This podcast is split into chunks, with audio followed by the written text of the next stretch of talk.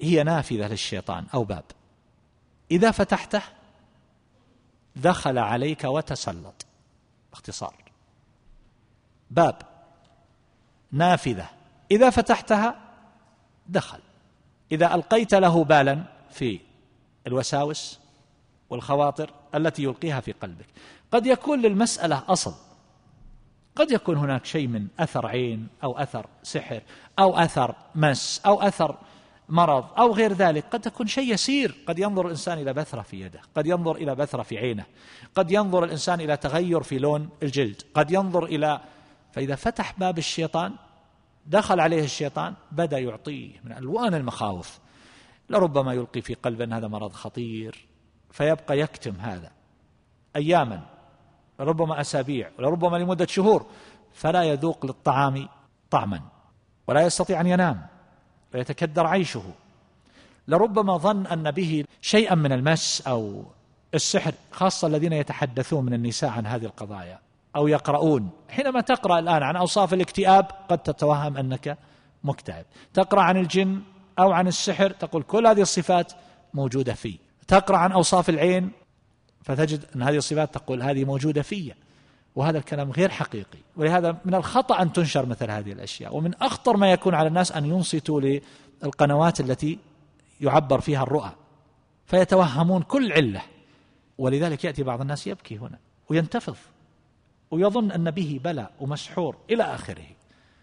قبل أيام جاء أحد الإخوان في يوم الجمعة حاسر الرأس بعد الدرس الذي بعد العشاء. وجدته في الداخل حاسر.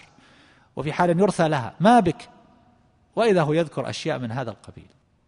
فأرشدته أن يذهب إلى بعض من له خبرة ومعرفة بمثل هذه الأشياء. ولا يتعجل ولا يحكم على هذا بأنه كذا أو كذا. وأنا ليس من المصلحة وقد تلاعب به بعض الرقاة. الشاهد جاء يوم الأحد يضحك. فتبين له أن تلك الأمور العظيمة وتغير الصوت. امرأة يتكلم فيها رجل. تغير الصوت أن ذلك ليس من ذلك في شيء.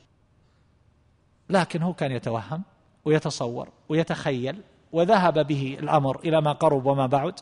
هناك من يحيك هناك من يكيد هناك من يعمل أعمال سحر هناك أشياء.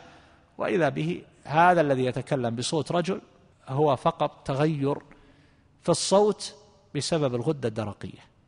ترك العلاج مدة فاتصل بالطبيب فقال الأوصاف والأعراض إذا ترك الدواء كذا وكذا وكذا وكذا. نفس الأعراض. الشاهد يوم الأحد يضحك. وقال لم يكن من ذلك شيء. مع أنه كان في حال يرثى لها. وقال لم أصلي فرضا واحدا إلا هذه الصلاة صلاة العصر منذ يوم الخميس. حتى الجمعة ما صليت. يقول في رقية دائمة وكرب. وتبين أنه لا يوجد لا سحر ولا مس ولا شيء. لاحظوا. فهذا الشيطان إذا فتحت له الباب وألقى في قلبك شيئا فتقبلته ألقى حجرا آخر ثم ثالث ثم رابع ثم يتحول إلى هرم كبير لا تستطيع أن تقتلعه. فلا تفتح هذا الباب. وكثير من الناس يعرض لهم أشياء ويحصل لهم اضطرابات ولربما يبقون الشهور والسنوات في معاناة لا حقيقة لها. ويزيده ما يذكر له في تعبير الرؤى وما يفعله له بعض الرقاة. وباختصار باب للشيطان. إن فتحته تسلط عليك.